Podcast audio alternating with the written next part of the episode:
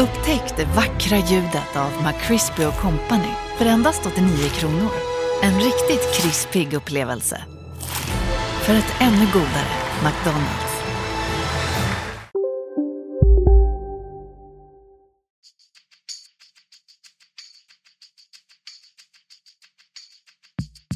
Skönt att komma ut och eh, bara lukta gräset. Så det, är, det är fotboll för mig.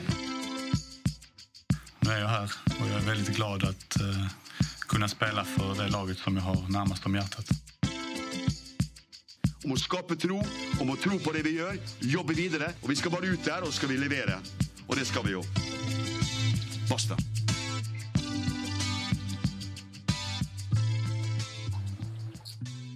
Välkomna tillbaka till MFF-podden. Det här är avsnitt nummer 219. Jag heter Fredrik Hedenskog. Jag har sällskap av Fredrik Lindstrand och Max Wiman. God dag på er denna förmiddag i sensommaren. God dag. Eh, ja, det har till och med kommit några regnstänk på din luften. Men nu så kan jag meddela att temperaturen bara stiger och stiger och nu är det kvavt igen. Det ser lidande ut. Max, säger jag. Till föga glädje för de som inte kan se, se bilderna som vi ser som bara lyssnar. Kan du berätta att jag sitter utomhus det ja. ja. Du kan ju säga redan nu, så hör ni fågelkvitter och sånt så är det Max. Inte jag men. Nej, inte jag men. Dina omgivningsljud då. Eh, idag tänker jag att vi ska prata, det händer väldigt mycket saker i och kring Malmö FF just för tillfället. Idag ska vi prata om de fyra matcherna som är spelade sen vi hörde senast. Vi ska också blicka framåt mot de kommande. Eh, vi ska dessutom eh, behandla eh, nyförvärvet Felix Beijmo och ehm, eh, Guillermo Molins avsked. Men allra först så ska vi prata om det som eh, skedde på tisdagskvällen. Det vill säga att Malmö FFs tidigare ordförande Hans Cavalli Björkman gick bort 92 år gammal. Och eh, då får jag ju eh, naturligtvis vända mig till dig Max, du som ju eh, ändå var verksam på den tiden som Cavalli var verksam i MFF. Eh, vad, vad är dina minnen av, av Hans Cavalli Björkman? Nej, men det, är, det är en fascinerande historia egentligen. Eh, hela hans väg in i Malmö FF och det han sedan gjorde. Eh, ni är väl alla bekanta med historien och Erik Perssons starka roll i Malmö FF under väldigt, väldigt många år.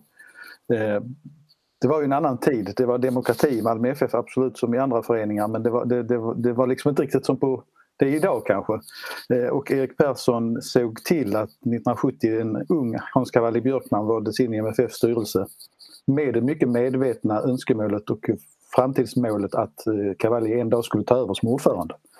Eh, och det var anmärkningsvärt eftersom Erik Persson var socialist, hängiven socialdemokrat och Hans Cavalli Björkman som bankchef i Malmö representerade kapitalet och var folkpartist dessutom. Eh, och det, på den tiden så var liksom skillnaderna väldigt stora och det var, ansågs mycket anmärkningsvärt att Erik Persson gjorde den vägen, eller valde den vägen. Eh, fyra år senare så blev Cavalli ordförande och eh, eh, årsmötet gick så att säga på Erik Perssons linje. Cavalli hade hunnit göra sig känd, hade hunnit bekanta sig med föreningen. Men man ska komma ihåg att Erik Perssons ande svävade över föreningen i väldigt många år ytterligare. Han gick inte bort från, om jag minns rätt, 1984 och fanns ju med på styrelsemöten och så vidare eh, under hela den här perioden. Och det finns en legendarisk historia som jag tror är berättad av eh, Einar Malmborg från början. Att eh, när det var styrelsemöte och det viktiga beslut skulle fattas så innan Cavalli klubbade någonting så tittade han alltid på Erik Persson och nickade Erik så var det okej. Okay. Eh, så det var ju väldigt mycket de som styrde och styrelsen i övrigt var väl, man ska inte vara elak och säga att de var marionetter men de hade inte det stora inflytandet utan det var ju eh, det var ju ordföranden som hade den stora makten och den stora, det stora som Erik Cavalli gjorde var ju att och det var väl det Erik Persson någonstans såg att, att det gällde att modernisera föreningen ytterligare och lite grann leda den in i proffsvärlden och företagsvärlden om vi ska uttrycka det så. Och eh, det minns jag väldigt starkt. Eh, 1989 hade MFF förlorat nere i Belgien mot Mechelen. Erik, eh, Hans Cavalli Björkman kom i Europaspel då. Hans Cavalli Björkman kom in i omklädningsrummet och deklarerade inför pressen att nu ska Malmö FF bli en proffsklubb. Vi måste lämna amatörtiden bakom oss och eh, gå in i framtiden och det var precis vad som hände. Och det var ju lite grann, vad ska man säga, samma visionära anda som, som Erik Persson hade när han tog in Bob Houghton med Cavalli vid sin sida redan då. Som, som ung tränare. Att han insåg att klockan var slagen, att Malmö måste göra någonting eh, radikalt för att hänga med. Och det som störde honom säkert ytterligare var att Göteborg just vid den här tiden hade väldigt stora framgångar internationellt och eh, det, det uppskattade han inte. Mm. Om man tittar på, bara flika in där med Erik Persson, det är ju det är som om man tittar på bilder, gamla bilder från till exempel MFFs Europacup-äventyr 79 så ser det, Erik Persson syns ju mycket oftare på bilder från den tiden än vad Cavalli Björkman gör. Det är nästan som han hade en eh, laid back roll där på något sätt eh, om man bara får gå enligt liksom, pressbilder från tiden. Nej, men det var ju verkligen så. Erik Persson fanns ju ända nere på bänken ofta och även Hans Cavalli Björkman dök i tidiga skeden ibland upp eh, ända framme på bänken. Och, eh, det var också en tid då, eh, alltså han, han, var ju en, vad ska man säga, en ganska auktoritär person. En person som tyckte om att synas i debatten och eh, älskade ju att debattera med vår gamle sportchef Åke Stolt och raljera med honom. Men han var också en person som eh, oftast syntes ute när B-laget spelade match. Och inte minst, vilket jag vill betona, när eh, damlaget spelade match. Eh, och jag har sett i efterhand en intervju med med Cavalli, jag tror det var Kvällspostens gamla Rune Smith som, som pratade med honom bara för några år sedan. Eh, om eh, eh, just damsidan och hur besviken Cavalli var och hur fel han tyckte det var att man så att säga inte slogs för damsidan som hade varit så framgångsrik under 90-talet och 80-talet. Och det är ganska intressant, liksom, för det, det, där är det väldigt mycket eh, Erik Perssons anda också som, som finns där. Och det, om man ska prata politik så det, socialdemokratiska och liberala ligger väl kanske ganska nära varandra just vad det gäller jämställdhet och de tankarna så att säga. Det, det, Samtidigt som han då var en kapitalist ut i fingerspetsarna och drev först Skandinaviska banken och sedan SE-banken i, i, i Malmö och eh, var, började sedan jobba för Handelskammaren. Satt nere på Skeppsbron i ett stort kontor eh, och var ju en väldigt viktig näringsprofil i, näringslivsprofil i Malmö, det ska man inte glömma bort. En, en väldigt stark röst i, och ekonomisk maktfaktor i, i Malmö under väldigt många år. Och med sådana starka människor så finns det ju alla sidor som sagt och han var ju en, en drivande men också kanske lite påfrestande för en del att, att just att han, han var väldigt energisk och väldigt principfast. Vad skulle du säga Max, trots att han blev, trots att Cavalli blev ordförande då redan 74 så, så är det ju lite som Fredrik säger att Bob Houghton-åren förknippar man ju ändå mer med Erik Persson på något sätt. Ja, det är Erik, Erik Persson som, när MFF får bragdguldet 1979 eh, så är det ju Erik Persson som, som tar emot det. det, det säger ju någonting.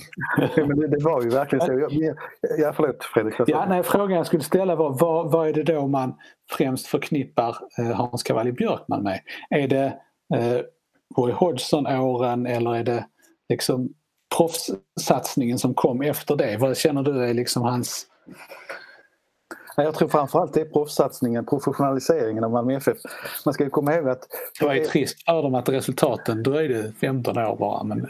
Det, är sant. det är sant. Men jag tror att det var mer att det var en nödvändighet. Man hade fått släppa väldigt mycket spelare ute i Europa för billiga pengar på den tiden. Eh, alltså ni vet hela den framgångsrika generationen med Terner, Schwarz och Dahlin och allt vad det var. Jag tror att, att han insåg att, att Malmö FF måste närma sig klubbarna i Europa på ett annat sätt. Och för er som är yngre är det kanske svårt att förstå men den här andan av att man på den tiden, alltså ändå, som ändå inte är så jättelänge sedan, att man fortfarande hade sitt jobb och minst på halvtid och gick och jobbade och eh, fotbollen var en bisyssla. Det, det, det, levde ju väldigt, väldigt länge. Eh, man hade tidigt en satsning på ungdomsproffs. Det var ju första trevande men, men annars var det ju en, en amatörförening. Och därför tror jag att det var större. Jag tror nog så här att Roy Hodgson-epoken var väl mer att förvalta Erik Perssons eh, arv. Alltså det var ju en förlängning av Bob Houghton på något sätt. Det var ju eh, samma typ av tränare och samma typ av eh, fotboll och satsning egentligen. Men eh, jag tror att kontraktskrivningar, Eh, och den rena proffssatsningen var det som, som gjorde väldigt starkt intryck. Sen kom det ju en annan del och det, man ska komma ihåg att 90-talet var ju i mångt och mycket ett mörker för Malmö FF och det var ju tungt, inte minst och Cavalli ifrågasattes också i högsta grad då, för att eh, Malmö hade ju inga pengar. Eh, och det, det, det, var väl eh, ett misslyckande. Publiken svek. Hockeyn blev stor i stan. Hockeyn tog sponsorer. Eh, så att där, man kan säga att 90-talet var ju inte en framgångssaga på något sätt. Och Eh, Cavallis, jag har skrivit om det, Cavallis, vad ska man säga, stora misslyckande var väl, han, han, han hade ju en dröm av att bygga sig, han kallade det Intiman, där Swedbank Stadion står, eller förlåt, där Leda Stadion står idag. Eh, en mindre arena och den blev aldrig verklighet men istället så valde man ju då att precis i skarven när han sen slutade som ordförande att bygga om gamla idrottsplatsen. Och det, det var ju bra för den idrottsplatsen idag men det var ju inte bra för Malmö FF. Det var ju en, ett, ett bakåtsträvande som var lite, lite feltänkt om jag ska uttrycka det så. Det, det, det höll ju på att straffa sig. Eh, MFF åkte ju ur samma år som han hade avgått som ordförande. Men förfallet hade ju börjat eh, flera år tidigare och 90-talet var inte roligt för honom. som sagt, då var han ifrågasatt. 80-talet var väl den stora epoken framförallt där mot slutet. Eh, ska man säga någonting ytterligare så är det ju så att vi pratar mycket om en ordförande. Eh, men i Malmö FFs historia har ju ordföranden alltid haft en väldigt central roll eftersom de ofta har suttit väldigt länge. Efter honom kom ju Bengt Madsen och som, som då lyckades få Malmö tillbaka till allsvenskan och eh, man fick ju vara med och åka ur först. Men eh, SM-guld 2004, eh, planeringen och byggandet av stadion. Och sen då Håkan Jeppsson som vi också vet tragiskt avled 2018 som liksom gjorde Malmö FF till ett företag kan vi väl uttrycka det. Anställde en VD och så vidare. Så det har ju varit, de har haft centrala roller i olika epoker. Eh, och fungerat i sin tid om jag uttrycker det så. Det när du säger att, att ordföranden haft centrala roller, man kan ju då påminna om att han satt ju ändå i 25 år som ordförande, Cavalli. Ja. Ansenlig tid även om det inte var inte nådde upp till eh, Erik Perssons drygt 40. Ehm, så var det ändå väldigt lång tid. Och sen, han, om jag minns rätt så föll han väl för åldersstrecket sedan. Det måste han ha gjort ja. Han hade ju, satte ju en 70-årsgräns. Eh, så att det var ju aldrig aktuellt att han skulle fortsätta. Och dessutom har han ju suttit i styrelsen fyra år längre. Eh, eftersom han kom in redan 1970. Det som eh,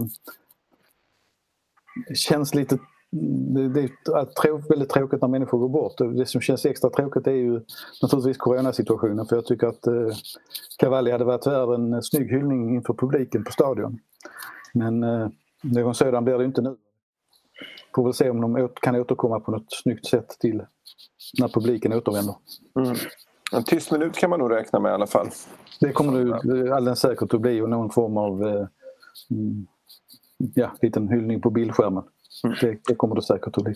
En parentes i sammanhanget var ju att eh, jag blev ju upptäckt, har ju, har ju liksom blivit varse en stöld här eh, när det kommer till en, en så kallad one-liner stöld eller vad man ska säga. Eh, det är ju det här som har sagts om Hans Cavalli Björkman att han springer när han ser en journalist och oftast så hinner han ifatt. Det här använder ju Nanne Bergstrand den gjorde han till sin när Kalmar hade sina framgångar där eh, 2008 vann guld. Då sa han ju det om Henrik Rydström att när Henrik Rydström ser en journalist så springer han och ofta hinner han ikapp. Eh, men detta är ju, alltså, det är ju en, en ren och skär stöld helt enkelt från Henrik Bergström. Ska jag säga något rent Samtidigt som det är skatinvasion på Limhamn. alltså den hördes ända in i lurarna. Här. Ska jag säga något väldigt lite personligt så Som sagt, det var en annan tid. Jag, jag tror jag nämnt tidigare att jag hade förmånen att få träffa Erik Persson ett stort antal gånger. Um, jag beundrar människor med sånt stort engagemang. Men jag fick också möjligheten att som väldigt ung göra en intervju med Hans Cavalli Björkman uppe, uppe på SE-banken. Och blev väldigt förvånad när jag några dagar senare fick ett brev från SE-banken och tänkte liksom nu, oj vad har jag nu? Nu kommer utskällningen här. Men var det ett tackkort för en trevlig intervju och som ung journalist då så kan det låta konstigt idag men man var väldigt lättad eftersom eh, Cavalli gärna röt till om han inte fick fram eh, på ett rätt sätt vad han ville uttrycka. Det måste ju varit han speciell. Han pratade väl ganska mycket i rubriker Ja, säga han var ju ett tacksamt intervjuobjekt. Och jag menar, I en intervjusituation så är det inte min uppgift att tycka någonting utan möjligtvis då, försöka ställa följdfrågor som är kritiserande. Men han, han var väldigt bra på att parera med, med eh, starka uttryck. Och eh, det skiljer sig väldigt tydligt idag. Mm, just det här att det är inte så ofta man hör en ordförande på samma sätt som man gjorde på den tiden som, som ett så tydlig ledare för en klubb. Och det är naturligtvis företagsklimatet som har förändrat det. Skriker fåglarna fortfarande i bakgrunden? Ja, lite grann gör de. det är en trevlig kuliss. Vi eh, lämnar Hans Cavalli Björkman som alltså gick bort eh, på tisdagskvällen, 92 år gammal. Och går över till eh, dagens eh, fotbollsverksamhet. Eh, sen vi pratades vid senast så har MFF spelat fyra matcher. Ehm, och jag har tänkt att vi ska prata lite grann om var och en av dem med, med, med ett namn, ett spelarnamn som ingång till varje match. Ehm, och den första eh, matchen vi har att prata om är ju, det är länge sedan nu, men det är alltså derbyt mot HIF. Ehm, och eh, där ville jag börja med Jo Inge Berget. Eh, jag tänker egentligen framförallt på, på den eh, målsvit som han var mitt uppe i då. Ehm, det kändes också som att hans eh, insats där och i den följande matchen var eh, det kändes som att det var på något sätt eh, symptomatiskt för det flytet som, som MFF hade fått, fått igång. Mm. Vad säger ni om det? Ja men det kan man väl säga. Det var väl, om man tittar på, på det personliga planet så så var ju, det skrevs ju lite om Jo Inge Berget inför säsongen och det var liksom som sagt det, man får ju ta allt det där med en nypa salt eftersom inblicken i MFF under april-maj när de bara tränade var väldigt, väldigt liten för att säga ingen alls. Eh, men det framstod ju lite som att Jo Inge Berget var något av vårens förlorare. Han stod långt ifrån startelvan och om han ens skulle ta sig in i startelvan så skulle det absolut inte vara på en plats som han själv gillade. Eh, men här under sommaren har han ju på något sätt tystat, tystat det tvivlet eller om det nu fanns ett sånt tvivel och eh, verkligen slog sig in i startelvan på en, på en position som verkar passa honom väldigt, väldigt bra. Jag tycker ju att eh, alltså hösten var väl inte kanon för Berget heller om jag minns rätt. Men ja, lite skador och så hade ja, han problem med den det känns någonstans som att han har hittat tillbaka till sitt gamla jag. Eh, kanske gjorde han det redan med den där magiska passningen till Marcus Rosenberg mot Dynamo Kiev. Eh, för att det är lite det vi har sett av honom utöver målen också tycker jag. Att när vi klagar på att många spelare slår dåliga inlägg så är, har han vid några tillfällen, inte så många, men några tillfällen just haft den där förmågan igen att, att, att med precisa bollar från kant eh, ställa lagkamrater i väldigt bra positioner. Plus att han jobbar som en galörslav framåt och bakåt och därmed eh, blir en bättre spelare själv tror jag men också driver på resten av laget. Mm.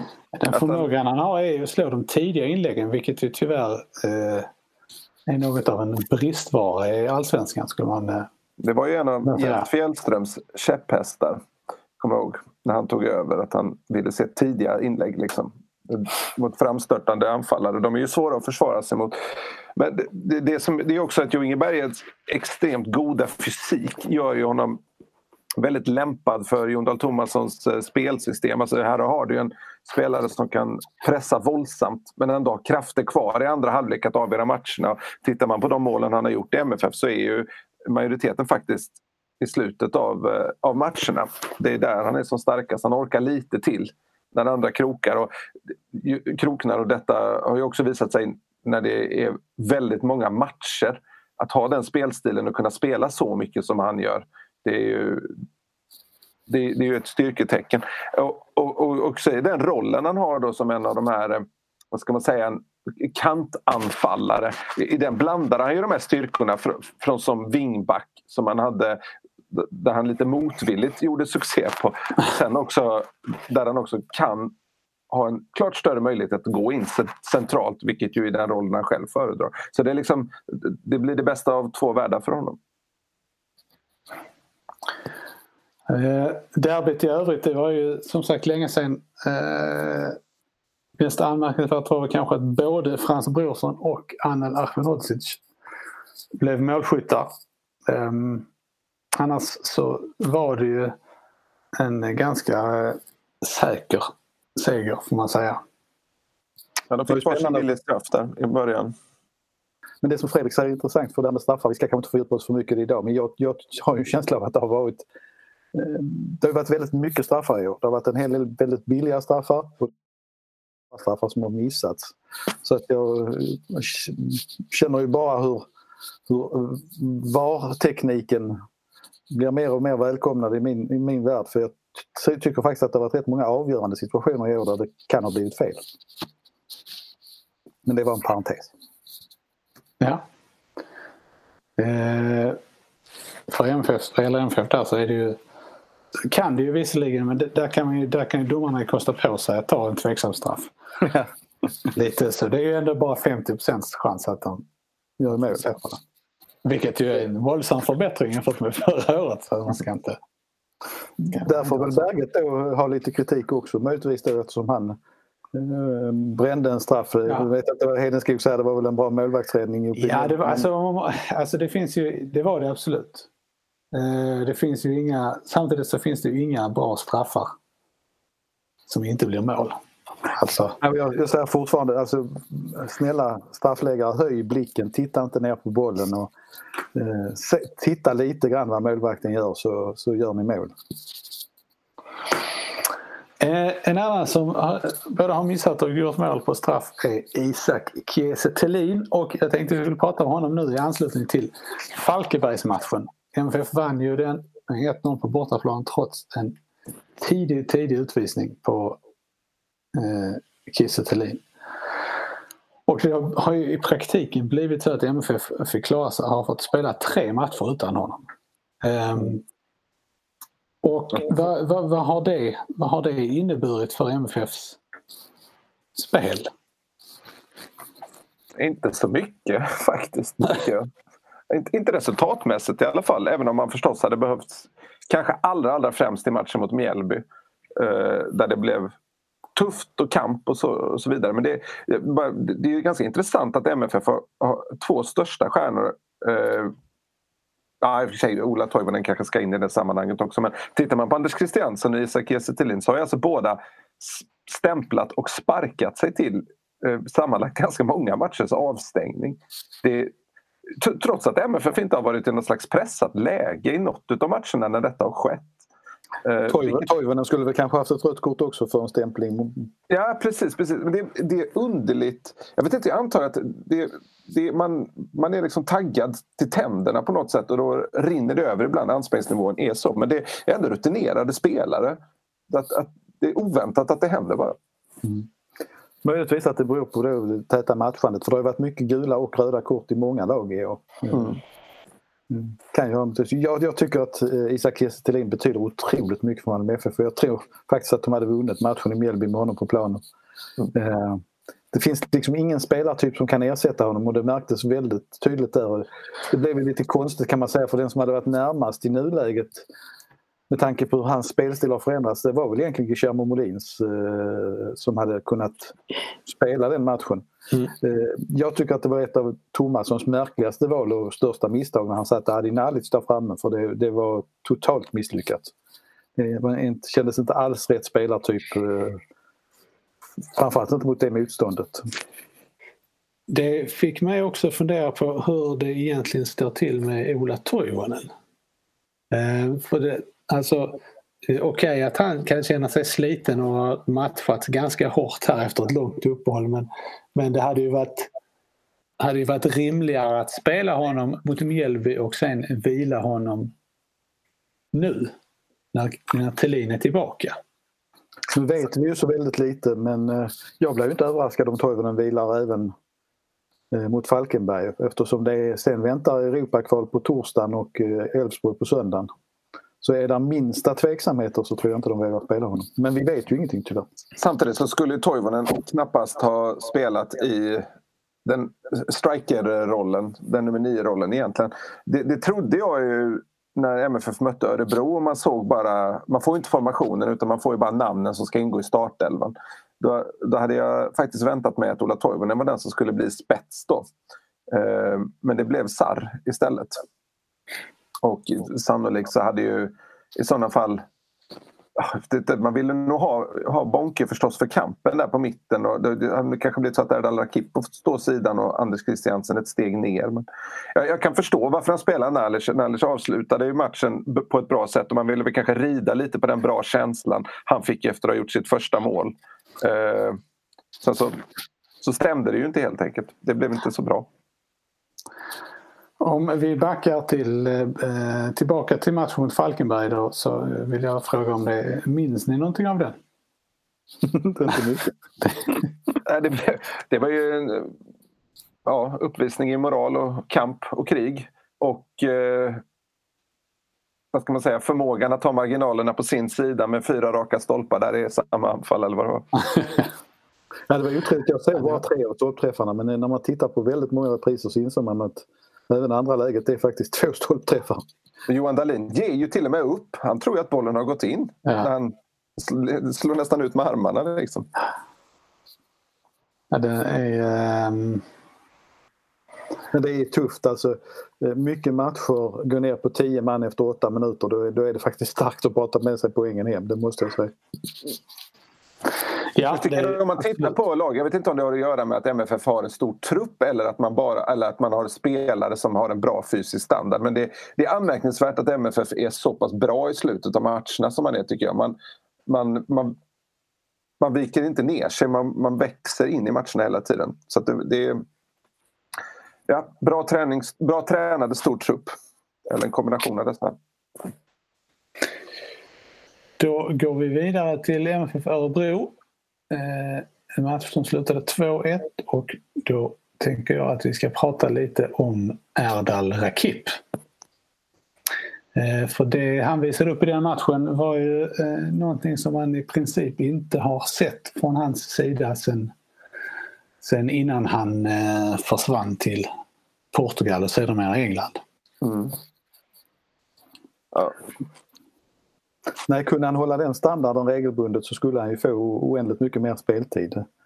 Eh, han är ju lite ojämn och det är klart, det beror ju delvis på att han inte spelar kontinuerligt men, men eh, det, det är den, den, kapaciteten som finns i honom. Arbetsmässigt och fotbollsmässigt och eh, allt. Det är väl lite ett mysterium att han inte kan få ut oftare.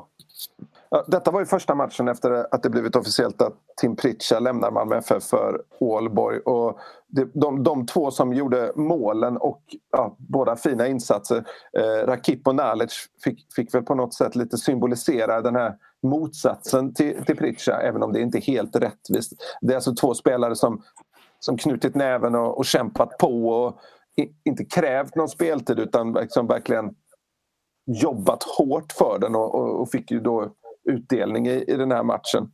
Eh, så det blev lite så, någon slags symbolik i det även om det som sagt inte inte hela sanningen. Liksom. Det är alltid mer invecklat varför någon väljer att, att kämpa och varför någon känner att det är dags att röra på sig. Du har absolut en poäng Fredrik. Det är, det är, det är tänkvärt. Mm. Faktiskt. Jag tror många spelare borde tänka på tänka som Nalic och Rakip faktiskt. Men Rakip är ju intressant, hans utveckling. Han hade det ju ganska tungt under Rössler där en, där en markeringsmiss mot Häcken, eller, eller kanske snarare att han pratade om markeringsmissen mot Häcken gjorde att, att Ove Rössler prat, placerade honom utanför laget ganska länge. Men även där kämpade han ju på och kom in och gjorde det här målet mot Dynamo Kiev eh, som ju, ja, när det skulle summeras var faktiskt än viktigare, eller i alla fall lika viktigt som Marcus Rosenbergs eh, avgörande på övertid. Även om, även om liksom den var inte riktigt lika uppseendeväckande. Men, eh, så att han, han, har ju verkligen... Det, det, han har verkligen jag har aldrig läst honom eller hört honom liksom beklaga sig. Han har väl inte varit nöjd med situationen men han har liksom inte Men vad, vad, för, vad, vad krävs det för att är det liksom kontinuerlig speltid och, så som krävs för att han ska fortsätta hålla den nivån? Eller vad tror För det, det känns som att det är svårare att få den kontinuerliga speltiden nu. Ja. Eh, Både med tanke på spelprogram och konkurrens i truppen. Problemet för Erdal Rakip är ju att hans främste konkurrent egentligen är Anders Christiansen. Eh, mot Örebro så gick ju, gick ju Rakip in i Christ- Christiansen-rollen på mittfältet. Eh, eftersom Christiansen saknades i den matchen. Och, eh, det, det han kan göra var ju det han gjorde. Han, han, tog, tag i, han tog tag i bollen och styrde spelet och, och, och framförallt producerade poäng.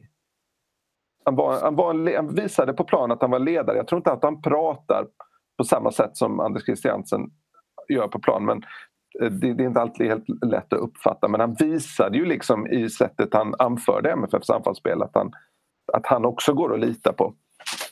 Och han är ju lite som Berget där också att han, när han kommer igång så kämpar han och springer och springer och springer till han stupar. Eh, Och jag tror att de egenskaperna är väldigt viktiga. tycker det är det som ibland fattas när inte MFF fungerar. Det är liksom att det blir lite, lite lojt eller om man ska uttrycka det i arbetskapacitet.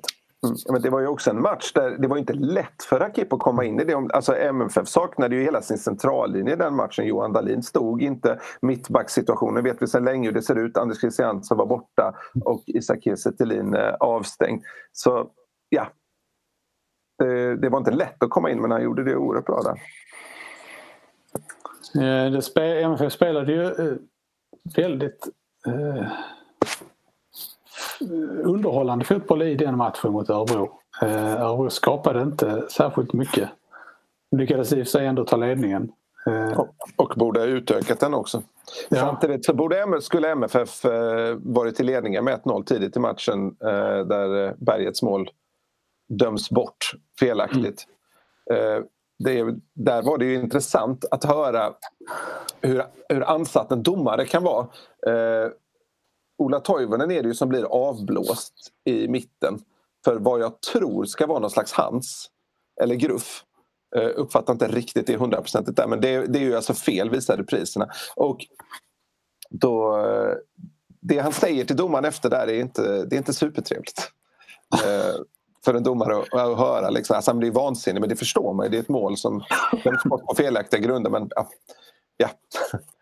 Det är inte alltid helt lätt att vara domare. nej. Var? Eh, eh, ja. Um, nej, det, var, det, kändes, för det kändes som att Örebros mål var ju... eh, och den chansen de hade att, att göra ett mål till, det var ju liksom någon sorts eh, skönhetsfläckar i den insatsen. Men, men de är ändå värda att diskutera för det kändes som att det var ganska ordentliga markeringsmissar i MFF som, som ledde fram, inte minst till målet. Ja, Där, där Jay, vad heter han? Jake Johansson? Heter han så? mm, Jake Larsson. Jake Larsson, just det. Han springer ju förbi både en och två MFF-are på sin väg mot bollen. Har du också valt att bli egen? Då är det viktigt att skaffa en bra företagsförsäkring. Hos oss är alla småföretag stora och inga frågor för små. Swedeas företagsförsäkring är anpassad för mindre företag och täcker även sånt som din hemförsäkring inte täcker. Gå in på swedea.se företag och jämför själv.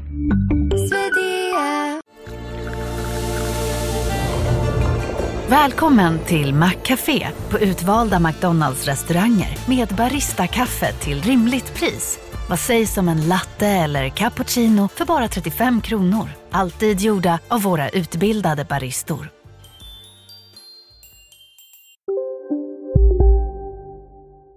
Det är ingen som överhuvudtaget verkar tycka att det är värt att ta upp någon markering på honom.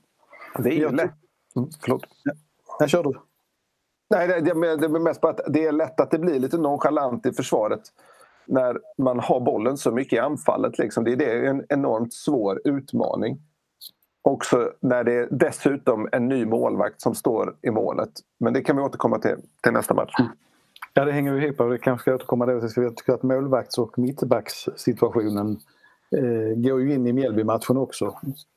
Mm. Eh, vi kanske ska återkomma till det. Ja, Men vi kan gå MFF över till den direkt. Ja, men, mo- mot Örebro så mönstrar ju MFF sin yngsta startelva på, på flera år.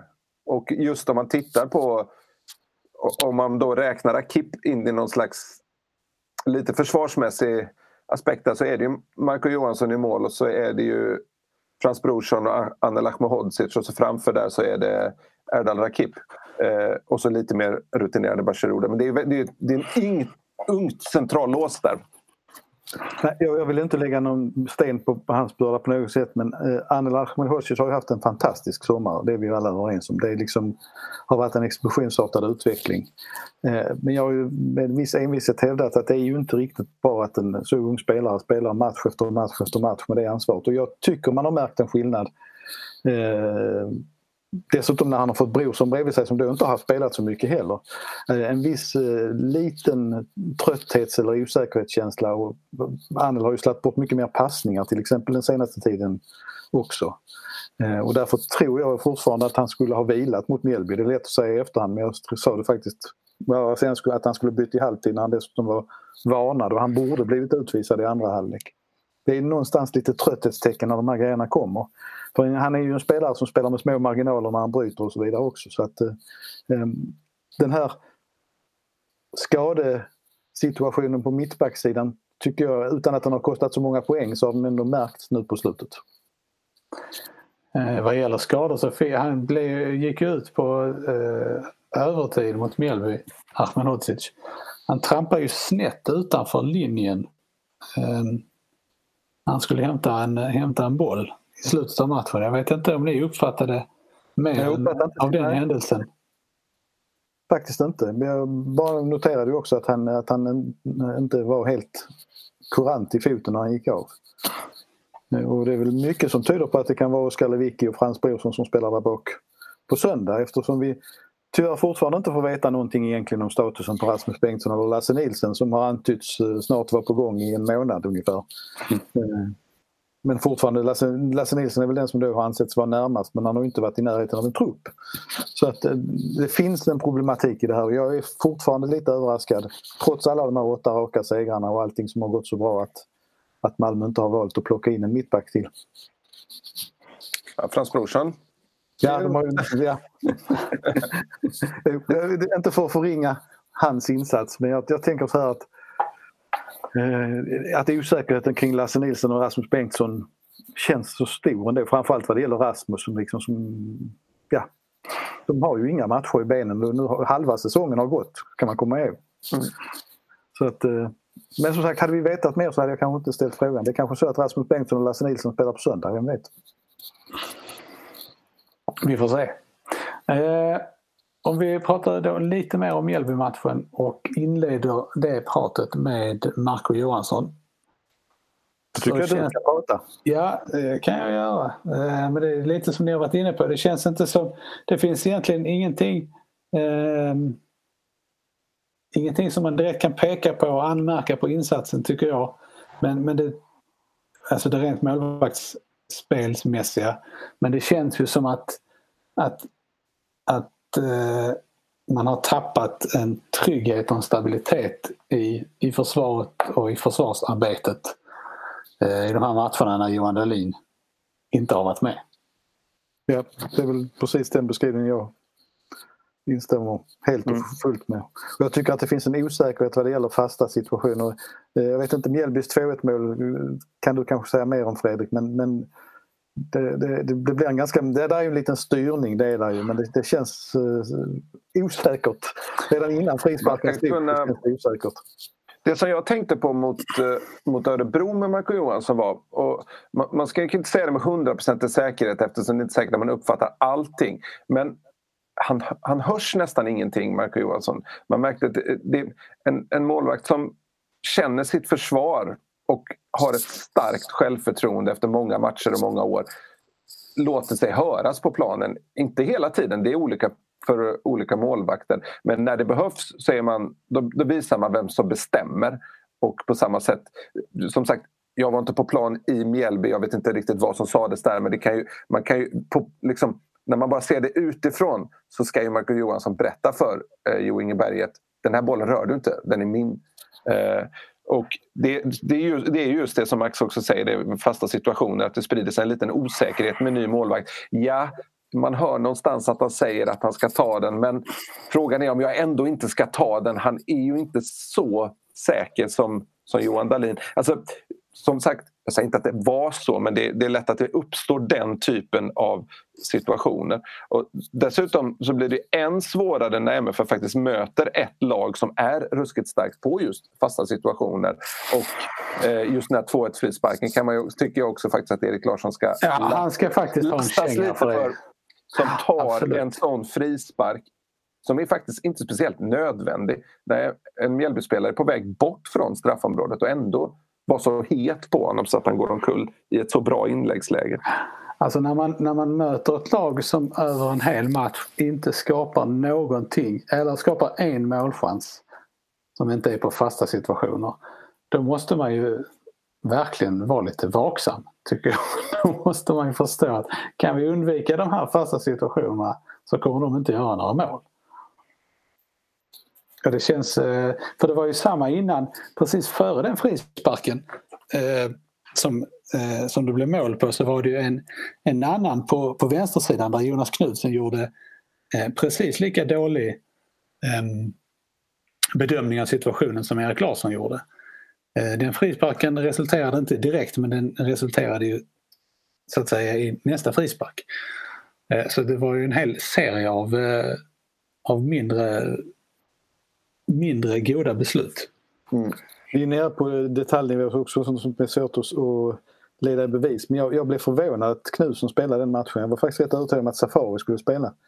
Eh, med lite, vad ska jag säga, med hans eh, erfarenhet och lite kluriga Eh, attacker framåt därför att Knusens långa inkast är inte riktigt bra vapen mot Mjällby som är väldigt starka på, på fasta situationer. Så att, eh, och Knusen har visat en lite vikande form också i ett par matcher efter en väldigt bra period.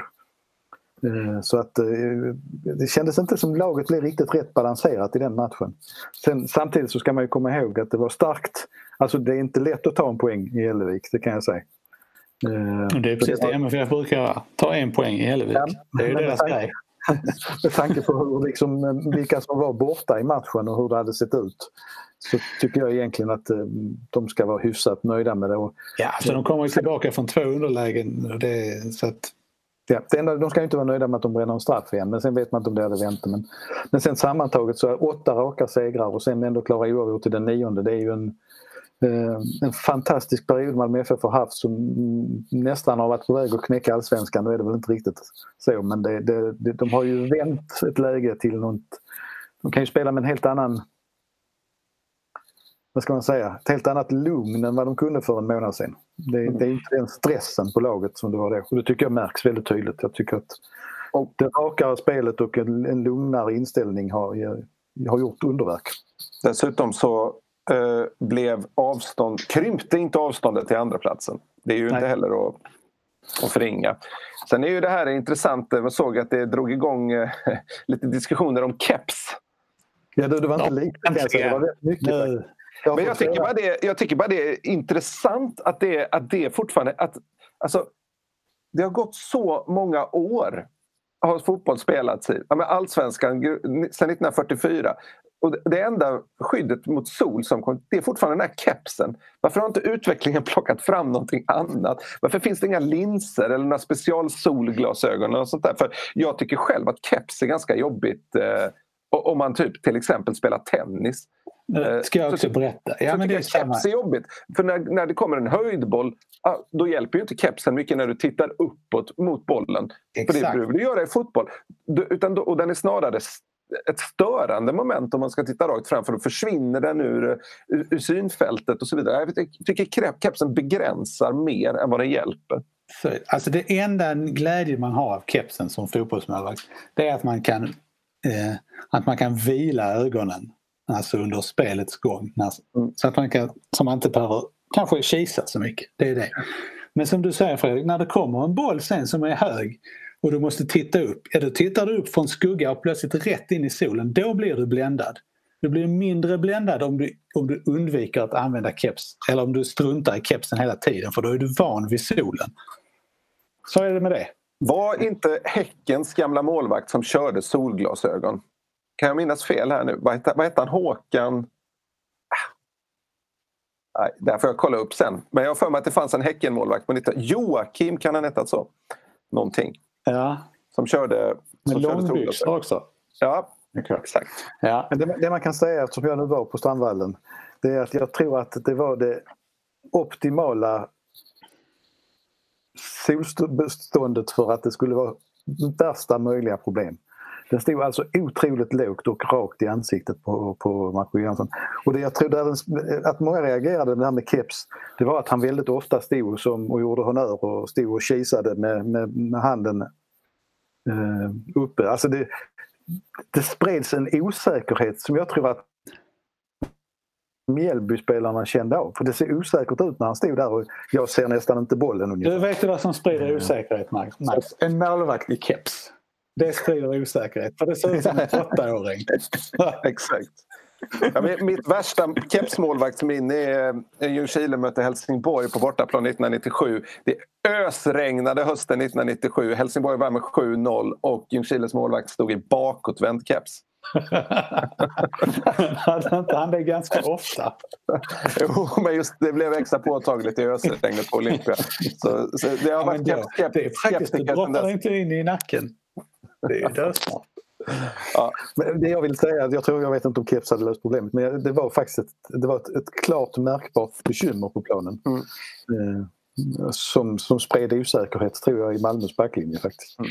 Och, och som eh, stimulerade Mjällby till att eh, slå inlägg.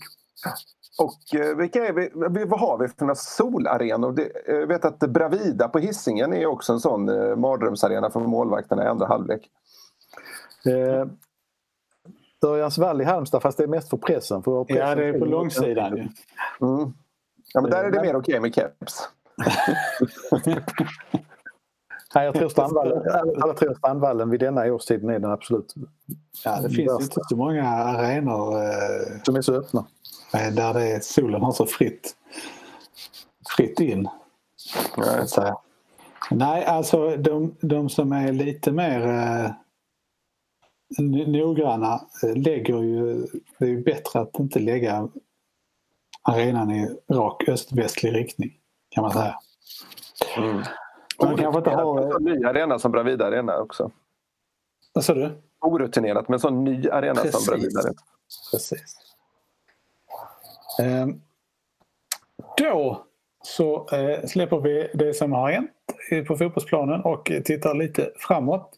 Det har nu spelats 16 omgångar av allsvenskan. MFF har 4 poäng till Elfsborg, 6 poäng till Djurgården, 7 till Norrköping, 8 till Häcken. Eh, 10 till Sirius och 11 till Hammarby. Där någonstans kan man med gott samvete dra ett streck. Eh, men jag vill fråga er då av de här sex lagen som, som jag nämnde.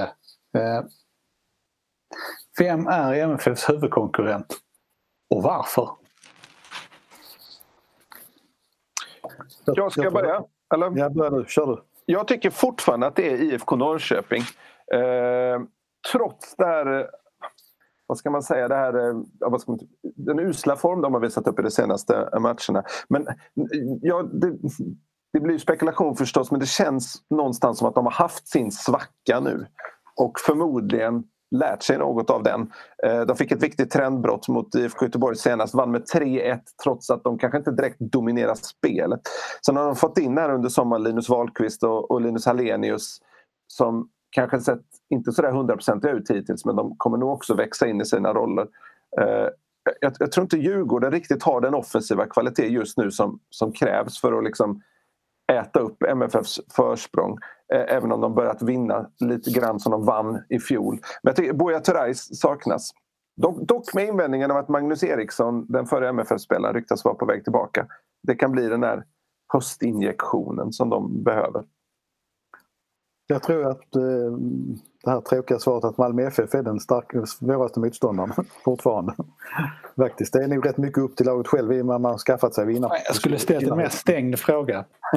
Men om man då går vidare så håller jag med Fredrik att eh, Norrköping känns som det laget som eh, ändå är stabilast på något sätt mm. Eh, i längden. Så jag tror att de blir svårast. Men Djurgården tror jag eh, kommer att eh, få gå in i en lite kämpigare period med tanke på att de nu också har Europaspel. Vi spelar in detta onsdag lunch och de möter Ferencvaros ikväll. De har minst två matcher i Europa beroende på hur det går. Även om Magnus Eriksson kommer hem så tror jag de kommer bli splittrade. Jag tror inte det, att de har förmågan att att äta in det här och kanske kvaliteten heller. Sen tror jag också att man kan stanna vid fyra lag, alltså de lagen som är ännu längre efter. Eh, du sa väl Sirius och Hammarby här. Eh, ja. Man ska komma ihåg att de har fyra lag framför sig som ska kollapsa mer eller mindre. Mm. Jag, jag, tror inte att det kommer att hända. Även om Hammarby på pappret skulle kunna ha kapaciteten att vinna väldigt mycket så eh, har jag väldigt svårt att se att alla lagen framför skulle haverera. Det är något lag som kommer att gå bra där. Mm. Elfsborg är ju... Jag, jag hoppas att Elfsborg orkar hänga med. För att det, dels är det väldigt roligt. Eh, jag förstår att många MFF-supportrar som lyssnar på detta kanske inte riktigt håller med mig där. Men jag, det är ju roligt om Elfsborg är inblandad och att det blir en häftig guldstrid här till hösten. Och jag tycker att de står för någonting positivt och bra, Elfsborg. Och Jesper Karlsson är ju ja, mest underhållande att se i allsvenskan eh, hittills, tycker jag. Kul att han har blommat ut, att de får ut max av honom. Eh, jag tycker de spelar häftig fotboll, Elfsborg. Det, det, är kul. Och, jag skulle, ja, nej, säg. Det jag skulle säga just om Elfsborg, eh, det är väl att egentligen så avgörs ju väldigt mycket den 30 augusti här i Malmö. Eh, för vinner Malmö den matchen, då undrar jag om Elfsborg kommer att vara som en guldkandidat. Men skulle däremot Elfsborg ta poäng eller vinna mot Malmö, då, eh, då blir de att räkna med även i fortsättningen. Absolut. På tal om Hammarby så skulle jag, tänkte jag på det. Det lär ju aldrig bli av eh, och där är också en sak som MFF-supportrar tveksamt håller med mig om. Men visst har satt oerhört väl in i Hammarby.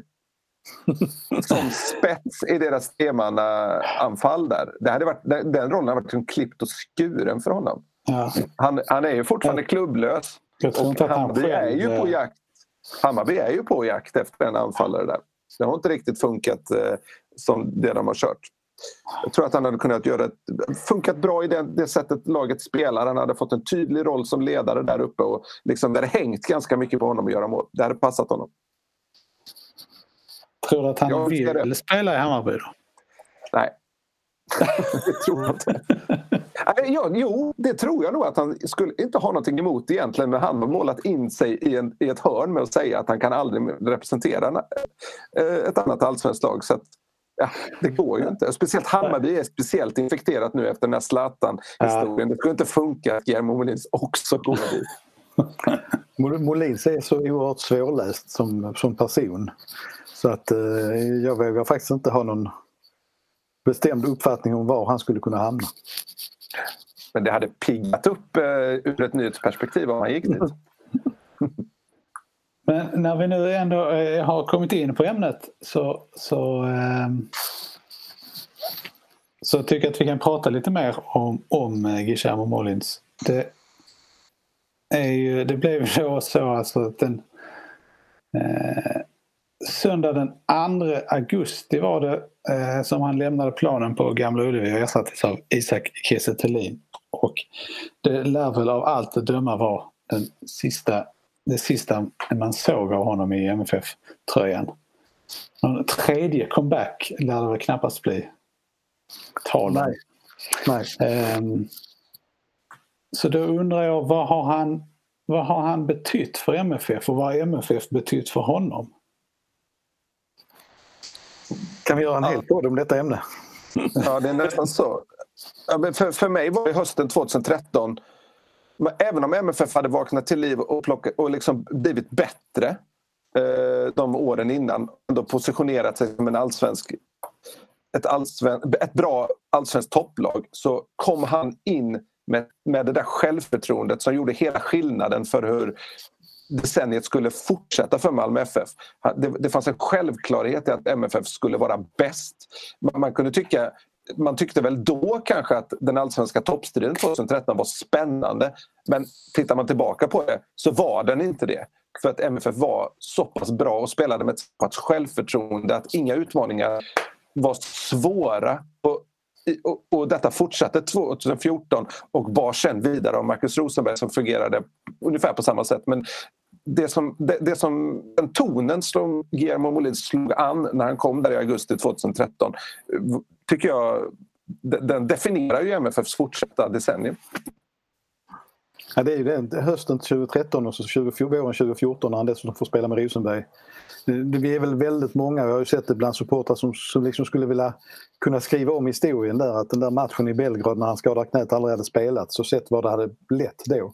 För det är mm. klart att det då sker en förändring och det måste vi väl alla erkänna, även Molins själv. Att, um, den, de, den skadeperioden som kommer därefteråt och den, han blir en annan typ av spelare.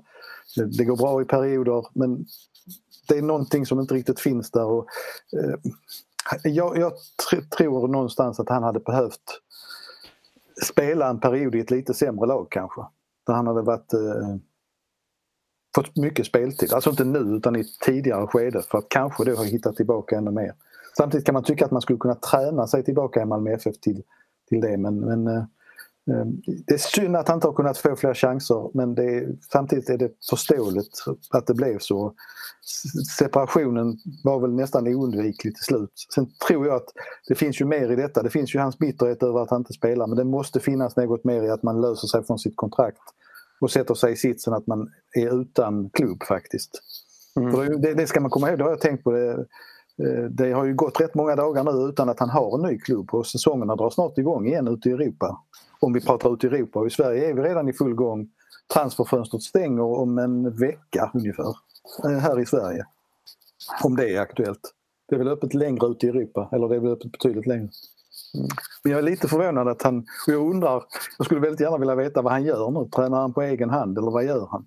Vad liksom... ja, det är svårt att se vad han har att vinna på, på det som han gjorde nu. Men det är väl istället för att liksom bara gå till en annan klubb. Det är väl att han möjligtvis kan välja helt fritt utan att det är en kostnad. Att han ser det som en möjlighet att kanske ingen var beredd att betala för honom men att det är lättare om man är en fri man. Men han är väldigt svår att läsa. Vi har pratat mycket med honom genom åren och haft många jättebra samtal och tycker han är en väldigt god person men han är svår att läsa ibland faktiskt. Men det var, på, på han kan låta väldigt öppenhjärtig men han är, han är rätt svår att läsa ibland. Mm. Det blev ju...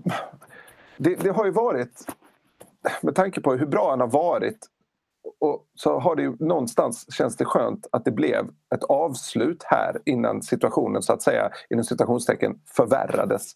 Att det blev lite infekterat, att han får sitta med ett kontrakt som är utgående förvisso men liksom, och inte spela. Och det, blir liksom, ah, det skulle kännas deppigt. Det känns som att Guillermo Molins ett tag nu har varit lite elefanten i rummet att han har ju inte hållit den klassen som har krävts för att spela som startanfallare i Malmö FF. Och det känns som att ingen riktigt velat acceptera det. Man har, man har liksom supportrar har hela tiden hoppats. Och, jag vet inte om klubben har haft någon förväntning på mig. ibland har jag nästan upplevt som att klubben kanske inte riktigt haft den förväntningen heller. Men på att det skulle bli så utan den har förvandlats till en komplementspelare och det har liksom inte känts värdigt riktigt. Nej, det är väl rätt uttryckt. Och sen, nu kommer jag inte ihåg vilken match, för det har varit så många matcher, men han gick, kom ju in i andra halvlek i någon match här och gjorde en fantastisk arbetsinsats och var direkt väldigt bidragande till eh, eh att, att i, någonstans i den här åttamatchsviten. Det enda jag kan känna är lite synd att han inte har kunnat, för det har han nog inte kunnat acceptera för sig själv, den rollen som en kanske en, en spelare som spelar var tredje, fjärde match eh, med längre speltid och i övrigt har inhopp. Alltså, kan han mentalt kunnat klara den balansgången så hade han kanske kunnat vara så viktig och så mycket Malmö FF som han egentligen är. Mm. Ja precis. Det, ja, det var samma sak när MFF vann mot Lugano i, hemma. Och han gör en jätte, jättebra match och gör mål och så. Det kändes som att det, nu visar han ju klassen att han kan också spela på den nivån och hålla den klassen. Men så blir det liksom som att han antingen inte får chansen eller inte tar chansen i det som följer efteråt. Sen ska vi bara tangera, det är svårt att fördjupa sig i det också eftersom vi vet så lite. Så Tim Pritcha är ju på sitt sätt en lite liknande historia även om de då är väldigt olika i ålder här. Ehm, det känns ju som att det har varit mycket krav och förväntningar eh, som har uttryckts från Tim Pritcha och hans pappa Rade runt speltid och eh, lämna sent besked om framtiden och så vidare. Jag tycker mest det är synd att, att spelare ibland, som sagt nu har man inte hela bakgrunden, men att inte spelare har ett större tålamod som, som Fredrik var inne på innan. Att, eh, Alltså Tim Pritchard har ju verkligen fått chanser det här året, det ska vi inte glömma. Han, han har fått speltid i Europa League och han startade när allsvenskan startade. Eh, och han är en jättestor talang men tålamod. Titta på Mattias Svanberg, vilken tid han behövde på sig och var han hamnade till slut. Eh, jag tror att man tar en stor risk genom att tro att frälsningen är ett lag borta i Danmark där det kan blåsa snålt snabbare än du anar.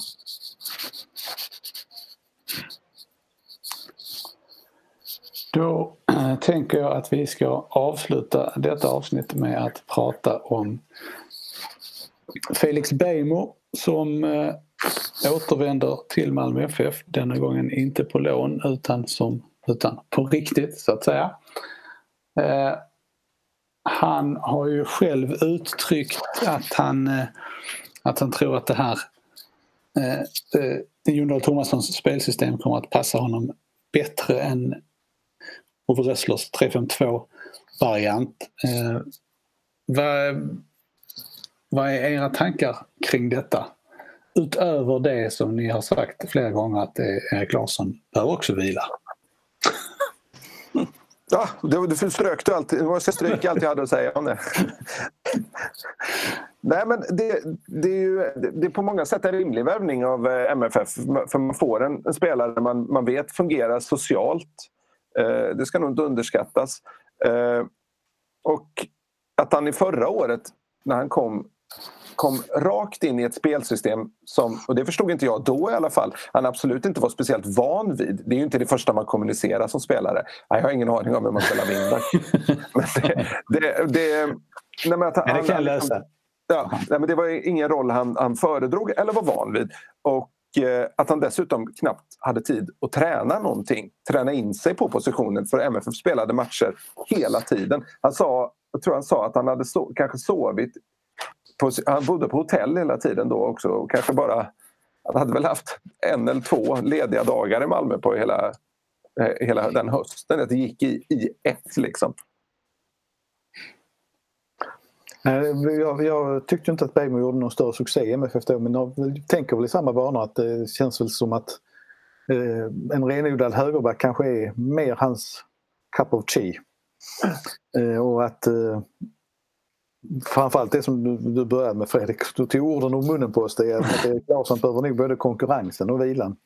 Det är inte bra när han spelar. Och där, där då kan man se också, jag såg någonstans i flödet här när det här blev klart att det nämndes att den unge eh, Borgqvist, eh, Borgström förlåt, Linus Borgström, eh, han skulle ha haft någon sjukdoms eller skadeproblem under våren. Och där kan jag bara komma tillbaka till att jag kan tycka det är synd att vi inte får någon form av information eh, som kunde förklarat det här hur, hur en kille som gjorde bra ifrån sig på träningslägret i vintras och eh, faktiskt fick ett kontrakt plötsligt var helt inaktuell. Eh, det hade ju kanske varit en, i det fallet en väldigt bra information att veta att han är inte ett alternativ just nu. Eh, Körtelfeber har jag hört. Ja, jag har också hört det. Det kanske vi får klippa bort om man inte får säga, jag vet inte. Så himla känsligt allt nu. vi, får, vi, får, vi får inte säga vad vi har hört. Du, får, du hör man så länge du inte röjer dina källor Fredrik så är det okej. Okay. Körtelfeber satte ju stopp för Robin Söderlings tenniskarriär. Så det kan ju ta väldigt... Det, det är ju en besvärlig sjukdom om det nu är mm. så att det är det han har drabbats av. Men det, det, det var nog helt nödvändigt för MFF, eller det var helt nödvändigt att få in en konkurrerande spelare. Eh, sen om Felix Bejmo var bästa valet, det återstår att se. Han verkar ju vilja det här väldigt mycket och det är en viktig egenskap. Mm. Det är, han alltså, som berättar ju det att, eh, att, alltså, som, att som, som wingback så kommer man ju betydligt högre upp i plan eller man har en utgångsposition som är betydligt högre upp i plan och det gör att man oftare hamnar mer felvänd Eh, alltså att man får eh, ofta en, en back i ryggen. Eh, och som ytterback så börjar man ju naturligt sett då längre bak och kan utnyttja kraften. Och det är väl mycket Filip Amos styrka och till viss del även Erik Larssons styrka. Det är därför, lite därför jag tycker att Erik Larsson har varit bättre i år än vad han varit i fjol. Eh, att han liksom kan komma bakifrån i fart och eh, så att säga ruscha förbi eh, sin markering. Det, är ju speciellt bra om man inte har den här vansinniga liksom, Ronaldinho-tekniken och liksom kan, eller kanske göra, lokalisera det lite mer Stefano Vecchia tekniken att man verkligen kan alltså, så att säga vi, vicka bort Sveriges Ronaldinho alltså? Ja exakt, exakt. Jag höjer honom lite väl mycket till skenet. Det, äh, det, det, det, ska bli intressant att se Beijmo i höst om de här nya förutsättningarna lyfter honom. MFF har ju ändå signat honom på tre och ett halvt år. Det, det, säger ju någonting om, om hur mycket de tror på den här värvningen. Och Djurgården lyckades ju sälja, sälja honom för, vad var det, uppåt 30 miljoner för ett tag sedan. Så MFF hoppas väl på en liknande utväxling så småningom. MFF har nu framför sig en eh, eh ganska skön eh, hemmavecka eller vad man ska kalla det. Dels så var det uppehåll på nästan en hel vecka för första gången sen säsongen drog igång.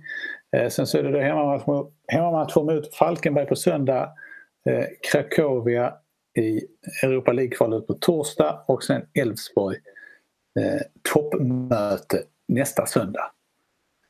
Ehm, och det kan väl vara i kombination med eh, avstängningar och skadekänningar så, så kanske det är lite lägligt för MFF just nu. Nu får vi se hur de hanterar det. Kanske, de kanske blir helt ställda av att inte spela match på en hel vecka. Ja, är det några som inte eh, tacksamt tar emot eh, det här lite lugnare spelschemat så är det väl MFF någonstans. Nej, jag gillar väl att det ska bli lite mindre matcher på något sätt för, att liksom kunna återhämta och gnugga in det taktiska. Men är det något lag som klarar av att spela, spela två matcher i veckan så är det Malmö FF. Jag tror det är väldigt bra att det är Malmö möter Falkenberg nu och Elfsborg nästa söndag och att de inte har de här gulsvarta lag, eller gula lagen i omvänd ordning för jag tror det hade varit betydligt sämre. Då så. Eh, mm. vi, vi återkommer i nästa vecka. Eh, det här har varit avsnitt nummer 219 av MFF-podden där vi anser att konstgräs ska förbjudas i svensk elitfotboll. Jag heter Fredrik Hedenskog, jag har sällskap av Fredrik Lindstrand och Max Wiman och ansvarig utgivare är Jonas Kanje. Tack för oss, hej hej! Hej hej! Hej då!